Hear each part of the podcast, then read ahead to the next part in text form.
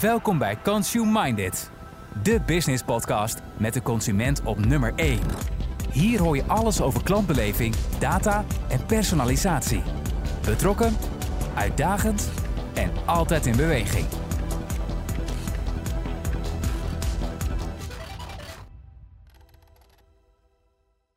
Hoi allemaal en welkom bij deze speciale aflevering van Consume Minded, de podcast. Eh, vandaag een aflevering zonder gast, waarin eh, Danny en ik eens de tijd nemen om achterover te leunen en te- terug te kijken op dit eerste seizoen, waarin we met negen gasten, die allemaal eh, expert zijn in hun werkveld, maar allemaal net een andere blik hebben op het begrip of de filosofie van Consumer First, hebben ontdekt wat Consumer First eigenlijk is en wat dat voor verschillende bedrijfstakken kan betekenen. Ik vond het zelf in ieder geval een hele leuke uitdaging om zo'n eerste podcastseizoen op te nemen. Eh, en ik ben ook wel echt heel erg blij dat ik dat niet alleen heb hoeven doen. Eh, maar dat eh, mijn steun en toeverlaat Danny mij er ook doorheen heeft gesleept. Ja. Danny, hoe heb jij dit eerste seizoen eigenlijk beleefd? Ja, ik vond het een leuk eerste seizoen. Ik heb ook heel veel zin om, om straks na, de, na de vakantie weer lekker met seizoen 2 aan de slag te gaan. En wat, wat, wat ik grappig vind is dat ehm, ehm, iedereen zit toch echt in een hele andere specifieke situatie. Maar de terugkerende topics die, die komen wel heel erg overeen. En nou, dat, eh, dat is denk ik niet onverwacht. Hè? Dat hadden we denk ik ook wel eh, Het zou gek zijn als het anders was. ja, precies. Maar dat is wel, eh, dat is wel heel tof. En ehm, ja, leuk om zo meteen ook even gewoon wat, wat learnings bij elkaar te rapen. Ja, dat is ook een beetje het programma dat we hebben vandaag. Dus eigenlijk willen we eerst samen eens even door die thema's, zoals je al zei, die overkoepelende thema's die we in veel verschillende podcasts terug zaten komen. Dus kijken wat daar nou besproken is. Ehm, dan willen we in ieder geval de grootste drie learnings die wij in ieder geval meenemen. Ja, ik weet niet wat de luisteraars meenemen, maar in ieder geval die wij meenemen. ehm, met jullie delen. En tot slot toch ook alvast even vooruitkijken naar het volgende seizoen. Ehm, wat we daarin gaan doen en eh, nou, hoe dat misschien wel verschilt van eh, wat we dit seizoen hebben gedaan. Zeker, dat gaan we doen. Nou, mooi. Laten we eens beginnen met eh, misschien wel een van de wat meer duidelijke eh, doorsneders die er eh, in onze eh, gasten zat dit jaar. Want we hebben natuurlijk ehm, Bart van Lakwijk gehad van Coolblue.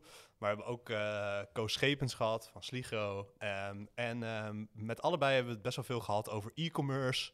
en, en wat daarin allemaal speelt. Wat zijn een beetje dingen die jij daar ja, van hebt opgepikt? Het doorsnede die je daar zag. Nou, de- je noemt inderdaad eh, Bart, Bart van Lakwijk en eh Koos Schepens. Maar eh, één ding wat mij daar ook wel bijbleef is wat, wat Hogendoorn eh, daar vertelde. Ja. Hij nee, ik vroeg, ik vroeg hem, is dan ook marketing, is dat altijd de plek waar je, waar je moet starten? Met, nou, met de AI en, en, en, en je klantreis persoonlijk inrichten. En hij zei, nou, eigenlijk is misschien customer service of klant is misschien wel een betere plek. En eh, dat vond ik wel heel mooi. En, en, en Bart van Lakwijk, die, eh, die zei eigenlijk hetzelfde, los van elkaar. Ja. En, eh, volgens mij noemde hij het letterlijk het luisterend oor van de organisatie. Dus dat, vond, dat vond ik wel een hele mooie. Ja, wat ik daar zo mooi aan vond, want ehm, ik heb het vooral van, van Bart ook heel erg onthouden, is wat hij letterlijk, wat hij zei, is dat bij ons is klantenservice letterlijk het midden van de organisatie. En dat bedoelde hij figuurlijk, maar het is zelfs bij Coolblue ook letterlijk zo. Zij zitten midden in het gebouw. En ehm, wat zij dus ook doen, is elk probleem dat binnenkomt, daar fungeren ze ook als een, ja, echt als een luisterend oor. Ja. Maar ze luisteren niet alleen, ze spelen dat ook door naar de betrokken afdelingen. Dat vond ik wel echt, eh, ik weet niet, dat is wel iets wat mij heel erg bijgebleven is. Ja, en, en dat, ook, eh, dan, dat ook op een unieke manier doen. Dus eh, eh, eh, Bart had het over met een hoogrijke, hoogwerker Ja. een, een koelkast bezorgen op, op de elfde verdieping. en Corné had het over een liedje zingen in, de, in het vliegtuig. Ja, ja dat klopt. ja. Dus ja, heel mooi hoe ze dan allemaal op hun eigen manier met data dan die, die klantreis persoonlijk maken. Ja, ja zeker. Ja. Nou, één ding wat me bij Corné ook nog wel bijgebleven is, is... eh, ehm, en wij, hebben het hier, eh, wij hebben het hier samen ook nog wel eens over gehad. Want hij zei, ja, er is eigenlijk niemand die terugkomt van vakantie. en dan eh, dat mensen op een verjaardag vragen, ja, hoe was je vakantie eigenlijk? En dat, die, dat ze dan vertellen, nou, ik kreeg vooraf zo'n mooi mailtje van Corendon. ja, vond ik mooi. ja, nee, dus... Ja, dus eh, die, die e-mail is wel belangrijk voor het laatste zetje. Maar dat is, eh, dat is niet eh, de hoofdmoot. Het gaat om je product. En, en dat, dat vond ik bijvoorbeeld bij Koos eh, Schepers wel weer heel mooi eh, terugkomen van Sligro. Dus het, het gaat om het product en de service die je daaromheen kan, eh, kan bieden. Ook met het uh, Inspiratie Lab. Ja. Dus, eh, Nou, dat vond ik ook wel een mooie learning. Dat je randzaken, je communicatie, dat moet echt allemaal tip-top zijn. maar je moet ook die stap verder durven maken. hoe kun je met, met data je product of, of je service of je beleving nog beter maken? Ja, ja. En ja, ik vond het met het Inspiratielab inderdaad wel heel mooi dat, dat ze daar juist uh, eens even inderdaad één tandje verder dachten. Dus waarom komen mensen bij Sligo? Ja, ja, om die producten te kopen. Maar eigenlijk zijn ze natuurlijk op zoek naar, oké, welk menu moet mijn restaurant hebben? Ja. Uh, ben je als uh, chef, stel dat je chef bent en je komt bij de Sligo, dan ben je daar natuurlijk eigenlijk naar op zoek. Dus dat vond ik ook wel een mooie, ja, gewoon één stapje doorgedacht. Van oké, waar is iemand nou echt naar op zoek? Um, was een soort van de vraag achter de vraag die ze hier eigenlijk stellen. Het is niet dat ze per se dat stukje vlees alleen maar willen kopen, denk ik. Nee, en uh, mijn moeder, die ook uh, klant is van ja. ja, jij weet het inmiddels, uh, Tom. Zeker. die, nou ja, die heeft een hele andere vraag. En ja. hoe ga je daar dan mee om? En hoe, die moet je dus ook heel anders in de communicatie meenemen. Ja. ja. Ja. misschien kunnen we wel even doorpraten nog over die, die B2B. Want Sligo is natuurlijk aan de ene kant e-commerce, maar ook wel, ze leveren ook aan bedrijven. Um, en um, daar hebben we natuurlijk wel meer van gehad. Dus um, we hebben Sligo gehad aan de ene kant. Maar in onze allereerste aflevering zat ook uh, Walter van Coca-Cola. Ja. Uh, of CCP moet ik zeggen. Um, ja, wat heb je daar, uh, wat, wat, is je daarvan bijgebleven? Want B2B is natuurlijk toch op een wat moeilijker of minder voor de hand liggende markt om echt met data personalisatie naar consumer first, maar de consument is helemaal niet echt mijn klant. Ja, wat heb je daar een beetje van meegenomen? Ja, twee dingen. Uh, twee voornamelijke twee dingen. Eén, um, Coca-Cola is natuurlijk producent of eh, Coca-Cola European Partners. Um, en uh, wat, wat denk ik Walter heel scherp heeft, is dat uh, data en, en, een voorspellend algoritme gaat echt niet 100% van je succes zijn. Nee, juist die vertegenwoordigers die op de weg zitten en, en, en die met, met de uitbaters, met, met de directe klanten in contact zijn, die moeten het doen en een algoritme is daar ondersteunend aan. En, en die samenwerking, die is heel belangrijk en daar moet je echt wel extra aandacht aan geven. En twee, dat is toch wel inmiddels ook zijn eh, memorabele uitspraak. Misschien weet je al uh, waar ik naartoe wil. De, ja, zal ik hem noemen? Ja, de, uh, trek niet de grote schoenen aan. En ja. nou, die kwam ook op heel veel andere plekken later in andere bewoningen ook wel terug, vond ik. Ja, want, want um, ik weet het nog wel, want ik, heb, ik was erbij. Maar uh, wat ja. bedoelde die daarmee? ja, laat ik dat uh, wat meer toelichten. Nou, trek niet de grote schoenen aan. Een, een, een, voorspellend algoritme is, is denk ik voor veel mensen complex. En daardoor is het heel belangrijk om die complexiteit uh, op plekken waar het kan te reduceren. Dus uh, ga, ga, eerst even met, uh, met één team kijken hoe, hoe zou een algoritme jullie kunnen ondersteunen. En, en begin daar. En ga niet meteen alle databronnen die, die je hebt meenemen, maar start met de vijf voornaamste. En ga kijken of daar al wat in zit. En, en, en boek een succes. Uh, dat is wat hij bedoelde met trek niet die grote schoenen aan, in mijn beleving. Ja, ja, ja, ja voor mij ook. Ja. voor mij ook. Nee, klopt. En, en bij CCP was het wel um, um, opvallend, want zij, zij weten, zij hebben natuurlijk dat indirecte model waarbij je uiteindelijk als café, ja, je koopt als consument, koop je je drankje bij een, zeggen we een café. Het café koopt bij de groothandel en de groothandel die koopt uiteindelijk in bij CCP.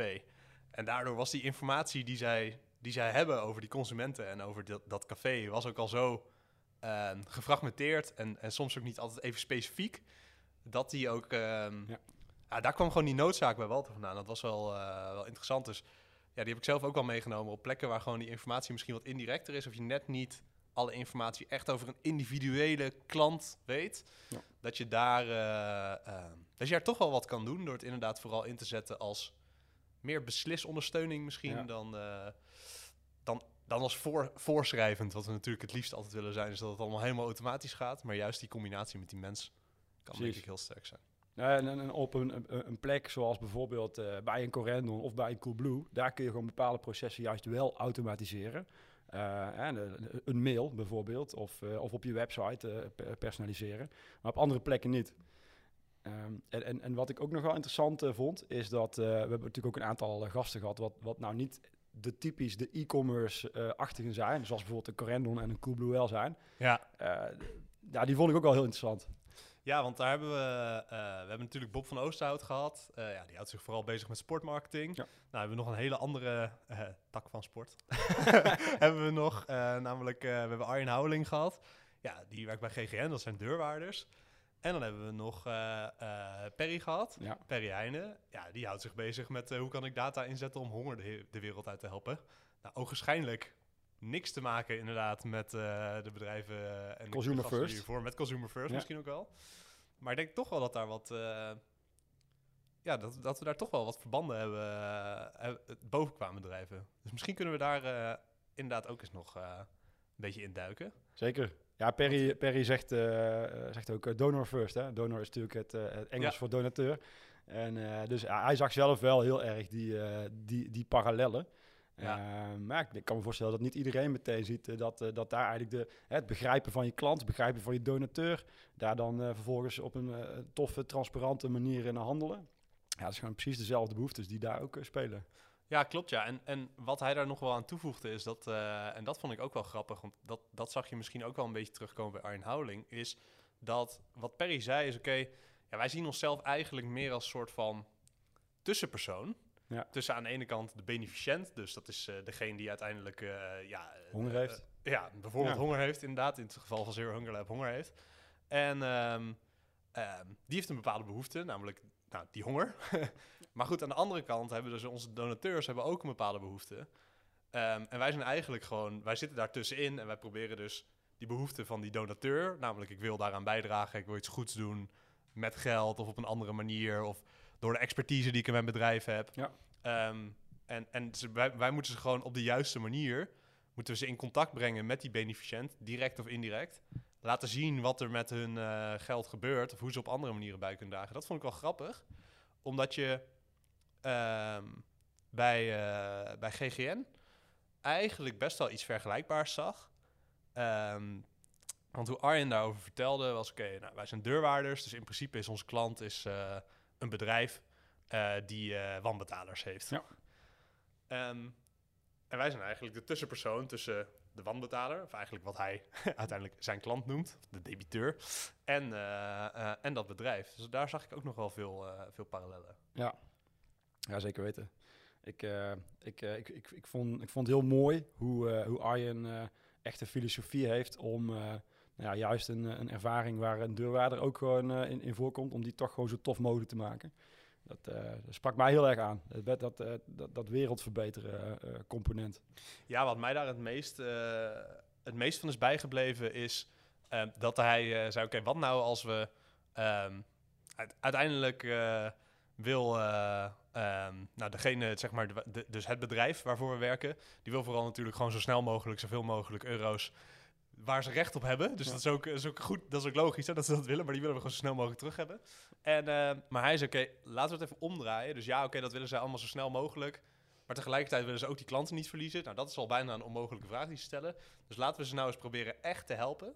En hoe hij zei, de manier eigenlijk om die bedrijven echt te helpen... is vooral om die consument, die debiteur, nou, wat Arjen zijn klant noemt... om die echt te helpen. Dat hij toen helemaal heeft omgedraaid en gezegd... oké, sommige mensen, het grote probleem is... ze snappen gewoon het toeslagenstelsel... wat ook niet heel eh, begrijpelijk is. Snappen ze niet, ze weten, ze weten zich daar geen weg door te vinden. Dus misschien kunnen we mensen daarmee helpen.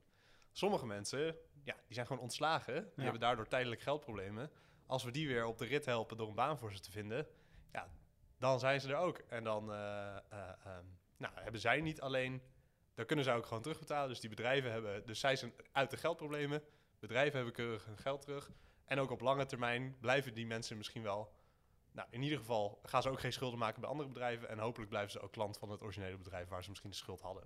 Ja, win, win, win. Win-win-win. hè? Ja, dat vond ik echt een mooie. Door dus ehm, er net eens even, en dat was natuurlijk sowieso wat Arjen wel eh, mooi wist te vertellen, Ja. door net eens even anders naar te kijken, het om te draaien, ga nou eens terug naar het echte probleem en hoe zou je dat in de ideale wereld oplossen. Ja, dat vond ik ook wel. eh, Ja, wel iets wat wij van bij, bij Perry heel erg bijbleef eh, daarin, Ja. eh, is, eh, we hebben het daarna ook nog heel even kort over gehad. Hij zei, ja, om zo'n verandering hè, qua mindset nou, te, te, te, initiëren of, of te ontketenen, heb je eigenlijk maar twee mensen nodig. Dus Ja. dat, dat vond ik ook mooi wat, wat Perry Heine vertelde. Klopt, dus, ja. ja, ja, ja. Dat dus, was ik alweer bijna vergeten. als je Ja, een, als je een idee of een visie hebt en je kunt één iemand in je organisatie vinden die, waarvan je denkt, hey, misschien voelt hij of zij dat ook. Heb je al een team? Eh, nou ja, dan heb je in feite een team en dan kun je een eh, revolutie eh, ontketenen. Dat, dat eh, vond ik ook heel gaaf. Ja, en wat ik bij, ehm, bij, bij eh, Bob van Oosterhout zag je eigenlijk ook een beetje zo'n... eh, ja, zo'n zo'n tussenpersoon, soort driehoeksverhouding-achtige eh, positie. Ja, waar supporter, club en eh, sponsor. ja, waar eigenlijk... Ja, hij zat zeg maar in tussen eh, aan de ene kant de sporter Ja. of, of de club eh, en het bedrijf dat eh, op zoek was naar een club of een speler of een... sp- Nou, iets van marketing wat past bij hun. Eh, en dan heb je inderdaad nog zelfs de supporter van de club die als het Ja. goed is dan weer naar dat bedrijf toe gaat. Dus die had daar ook wel een interessante ja, uitdaging om daar heel erg aan matchmaking te doen. Dus kijk, wat is nou juist die sporter, die sport, de club, die past bij, Ja. bij dat merk en hoe, gaat ook, hoe gaan de supporters eh, eh, ehm, daar ook, hoe past dat ook bij die supporters? Ja, hij heeft eigenlijk twee uitdagingen. Hij moet, hij moet eh, begrijpen eh, wie de klanten van de sponsoren zijn, of de, de, de, de, de beoogde klanten, de, de wenselijke klanten. Eh, en eh, hoe, hoe kan ik die dan eh, bereiken middels eh, supporters? Dat, eh, ja. nee, dat ik, eh, en hij, hij zei ook, eh, hoe kan ik nou met data, dat is heel eh, rationeel, objectief, hoe kan ik daar nou de passie van sport mee, eh, mee vermengen? Dat, eh, dat vond ik ook mooi dat hij eh, dat, hij dat zei. En dat, eh, ja, Ja. dat is een interessante uitdaging. Ja, zeker. Ja, en ik vond het ook wel mooi dat we in ieder geval ook daar op de conclusie uitkwamen. Ehm, dat is een hele interessante uitdaging. In een ideale wereld willen we dat ook allemaal kunnen onderbouwen. Maar er- je moet je ook niet eh, tegen laten houden, omdat je het misschien vandaag nog niet allemaal kan onderbouwen, om toch gewoon de dingen te doen die goed voelen. En dat was nou ook iets wat bij Corné nog wel terugkwam. Want die zei, oké, ja, hoe begin je? Ja, je moet wel beginnen met dingen die gewoon duidelijk meetbaar zijn, waarbij je bij je bedrijf het balletje aan de, aan de rollen kan krijgen. En, Ja. ehm, Successen creëren. successen creëren. En dan kan je net even dat stapje verder gaan en de dingen gaan doen die lastig aan te tonen zijn dat het geld oplevert. Maar waar het wel zo duidelijk is dat het gewoon een positieve bijdrage heeft. Dat het, eh, zoals het liedje zingen in het vliegtuig. dat, was het mooie, dat was het mooie voorbeeld. Ja, ik weet niet of Ja, daar... je, je moet stewardessen geen eh, KPI geven van je moet elke maand 100 liedjes gezongen hebben. Nee, en dan moet er wel eh, minstens eh 4% van de mensen moet daarna wel binnen een jaar weer een vakantie boeken. En daar gaat het niet om. Het Nee, gaat om. Nee. Dat zijn wel de dingen die natuurlijk mensen vertellen inderdaad op een verjaardag als ze thuiskomen. Ja, ik was jarig op de heenweg. En eh, toen ging de stewardess een liedje voor me zingen en toen kreeg ik taart. Ja, dat zijn ik, weet niet, ja, ik zou dat wel vertellen, in ieder geval. Waarschijnlijk mijn eigen verjaardag daarna. Ja, zeker. Ehm, we hebben het natuurlijk ook nog best wel gehad over eh, eh, veiligheid, privacy. Toch ook wel echt, nou zeker de laatste tijd, echt wel een belangrijk onderwerp, veel in het nieuws. En daar hebben we aan de ene kant Jasper gehad van Glow Protocol Ja. en Locke Morel. Ehm, nou, ik weet niet eens waar ik om zou. Die is van zoveel verschillende. ja, echt expert op het gebied van eh, cybersecurity. Ehm, Ja, Jasper je zit denk ik meer. Oh, sorry, ja, Jasper zit meer op de toepassing, denk ik. Ja, hè, hoe, hoe kan ik dit technologie, platform en hoe, kan ik dat eh, eh, veilig en privacybestendig maken? En Ja. Lok, Lok is wel echt nou ja, visionair op dit, dit gebied. ja, Wat, wat mij daar, ik weet niet of ze letterlijk zijn, wat wij daar een beetje van bijgebleven is, is zoiets als, eh, ja, de wereld, eh, de wereld die verandert toch wel. Maar eh, ja, ja, je moet nu wel zelf bepalen hoe. En als je nu niks doet, dan verandert die ook. Maar misschien wel een kant op waar wij niet blij van worden. ja, Dat is een beetje wat mij is bijgebleven daaraan. Ja, klopt. Ja. Dus je gaat, het, je gaat er niet tegenhouden. Dat hele, de hele beweging met data en, en, en personalisatie ook daarin. En, ehm, nou ja, en, wat ze, ja, en, en wat ze daarin zei, ook wel een gevleugelde uitspraak, is... toen we net auto's hadden gemaakt, had je ook eh, een man met vlaggen die voor de auto uit moest lopen om eh, te waarschuwen dat er een auto aankwam. En zaten er ook geen veiligheidsgordels in, geen ABS, geen Ja, niks om eh, mensen te beschermen. Ehm, en dat heeft ook jaren, decennia misschien wel geduurd voordat we dat goed, netjes in de wetgeving en op de rails hadden, zodat iedereen daar gebruik van, van veilig gebruik van kon maken. En dat geldt hier ook. En daarom Ja. is het belangrijk dat we dat als wetgever en als, als gewoon mensen, dat we daar eh, duidelijk eh, ja, richtlijnen voor gaan maken met z'n allen. zeker. Ja. En daar, wordt daar, worden, daar worden zeker wel stappen gezet. Eh, maar moeten ook nog veel stappen gezet worden, inderdaad. Ja. Zeker. Als ik kijk naar, naar buiten, ik zie wat auto's voorbij rijden en wat daar allemaal ingericht is. Ten opzichte van die man die voor de auto vooruit loopt met vlaggen. Om- Ja. ja, dan is er denk ik nog, nog veel op het gebied van, van veiligheid, et cetera, te- te doen. Ja. Dat denk ik ook, ja. Hey Danny, als jij dit seizoen eh, samen zou mogen vatten in eh, jouw, eh, nou, de belangrijkste... we hebben natuurlijk nu even alle onderwerpen aangestipt die we hebben besproken, maar wat zijn nou echt de drie, nou, misschien op één niveautje, abstractieniveautje hoger, de drie dingen die jij meeneemt elke dag in je werk vanaf nu? Ja, drie is altijd een mooi getal, hè? Ja, lekker overzichtelijk. Ja, dus, Oké, nou, wat ik, het eerste wat me te binnen schiet, is eh, nou ja, niet de grote schoenen aantrekken. Of eh, begin klein, eh, creëer daar een succes. Dat, is, dat is denk ik toch wel wat, wat bijna in elk gesprek, als je het hebt, als- een gesprek dat we hadden met, met Ja. iemand die echt letterlijk die klantreis probeert te verbeteren in zijn of haar organisatie, dan komt het eigenlijk elke keer wel terug. Dus dat is denk ik één. Ja. Twee zou dan zijn dat nou, de, de typische business KPI's, zoals een, een conversie of een omzet of, of, of marge zelfs, hè, dat, het is goed. Hè? Het is goed dat, dat, dat je die eh, bij een eerste project eh, duidelijk tastbaar maakt. Eh, maar blijf, blijf daar niet continu op focussen. Ga, hè, dus belangrijk om een succes te hebben waar die KPI's duidelijk in voorkomen bij, bij je eerste project met data. Ehm, maar daarna moet je denk ik ook wel gewoon verder gaan kijken. Hoe kan ik nou echt die klantbeleving beter maken? En eh, nou, die twee componenten, Dat is misschien niet altijd direct uit te drukken in conversie of euro's. Of, nee, maar- je, je weet het, je voelt het, je, ja, je ziet het misschien ook op een andere manier wel terug in de Ja. data. Ja. dat, eh, dat zou de puntje twee zijn. Dus eh, ja, het, ja, het is belangrijk conversie, maar eh, dat, is, dat is niet, niet de, het fundament om een langdurige relatie met, met je klant op te Kan bouwen. je bijna niet onderscheidend van worden als je Exact. echt alleen maar daarop focust. Nee. Exact. Ja, en ik denk dat toch het stukje privacy en ethiek ook wel een belangrijk element is in, in seizoen 1. Ja, wat ik daarvan van heb meegenomen is... ehm, personalisatie is natuurlijk sowieso eh, eh, eh, op zichzelf helemaal geen slecht ding. Maar het is voor mensen gewoon belangrijk... Nou, A, dat ze weten dat het gepersonaliseerd is. Ja. Maar ook voor, eh, ehm, vooral dat het in de context logisch is dat er is gepersonaliseerd. Dus oké, als ik op een bepaalde webshop kom... Ja, en ze gebruiken mijn data van die webshop om te proberen om die ervaring voor mij beter te maken, Ja. dan vind ik dat mega logisch. Gaan ze daarvoor allerlei data inkopen, derde partijen, weet ik wat allemaal. Ja, Ja. dan vind ik het misschien minder logisch worden. En want dat is, dat voelt stiekem ook. Dat, Ja. Want dat is niet data die ik soort van willens en wetens heb verschaft. Eh, Nou ja, als je, eh, ik vind het altijd leuk om het dan te vertalen naar vroeger. ja. in de tijd waarin de algoritmes gewoon eh, ja, er nog niet waren in, in de klantreis. En eh, nou, als, ik, eh, als ik een broek ga kopen bij, eh, bij een, een modezaak en ik ben daar een maand eerder ook al geweest en die, die verkoper die, die herkent mij, ja, dan mag zij prima meenemen in haar advies wat ik de vorige keer gekocht heb. Maar als zij bij mij door het keukenraam staat te gluren wat ik voor kleren aan heb, ja, dat is raar. ja, dat is raar. ja. En nou ja, dus dat sluit denk ik wel mooi aan bij, bij wat jij net schetst. ja, nee, eh, nee, ja.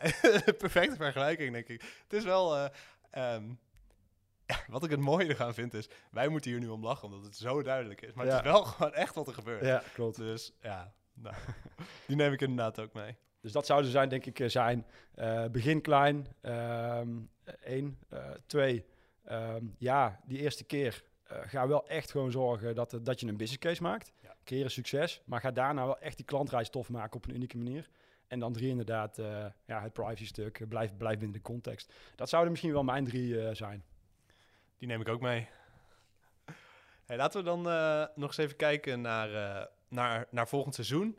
Ehm, dit seizoen hebben we natuurlijk eigenlijk het begrip consumer first een beetje proberen te duiden door het vanuit allerlei verschillende oogpunten, verschillende experts in de markt, ehm, ja, een beetje te duiden eigenlijk. Ehm, en wat we volgend seizoen gaan doen, is wel net even anders. We hebben nu best wel een goed begrip, denk ik, van eh, oké, consumer first en wat is dat dan allemaal? Welke dingen moet je in rekening houden? En wat we volgend seizoen gaan doen, is iets meer aansluiten eigenlijk op wat er in de rest van de community ook allemaal eh, eh, wordt besproken en wat daar in diepte wordt besproken. En dat betekent dat we verschillende onderwerpen echt wat dieper uit gaan lichten, waarbij we dus meerdere podcasts doen over een bepaald onderwerp. En daar echt met verschillende experts dieper in gaan duiken. En dat zijn ook onderwerpen die dus ook bijvoorbeeld in de roundtables of in de trendrapporten, die daar ook in zitten. Ja. Ehm, dus we zoeken, eh, we hebben het nu geduid en dit is denk ik een mooi moment om eh, wat meer echte aansluiting te vinden bij wat er nu in de community speelt. Dus dat gaan we het komende seizoen ook eh, proberen. Ehm, laat het dus vooral via de community weten eh, eh, als je bepaalde onderwerpen daarvoor interessant vindt. Ehm, maar voor nu eh, gaan wij eerst even met vakantie. En eh, eh, zijn we na de zomer weer eh, terug. Zeker weten. En eh, er waren heel veel eh, eh, toffe reacties gekomen op, nou, op verschillende podcasts. En als je nu naar het luisteren van deze podcast denkt... hey, dit is typisch een, een, een, een topic wat ik eigenlijk wel wat verder uitgediept zou, zou willen zien of, of horen. Laat het dan zeker weer weten, want wij gaan dat na de vakantie allemaal meenemen. Alright. Nou, dan wil ik graag nog één keer in ieder geval alle gasten van dit seizoen, dit seizoen bedanken. En eh, jou natuurlijk nog een keer bedanken eh, dat jij mij, eh, nou, dit is de tiende aflevering, tien keer hebt gesteund. En, ik ben eh, volgende keer weer bij, Tom. mooi. dan zien we elkaar de volgende keer. Bedankt voor het luisteren.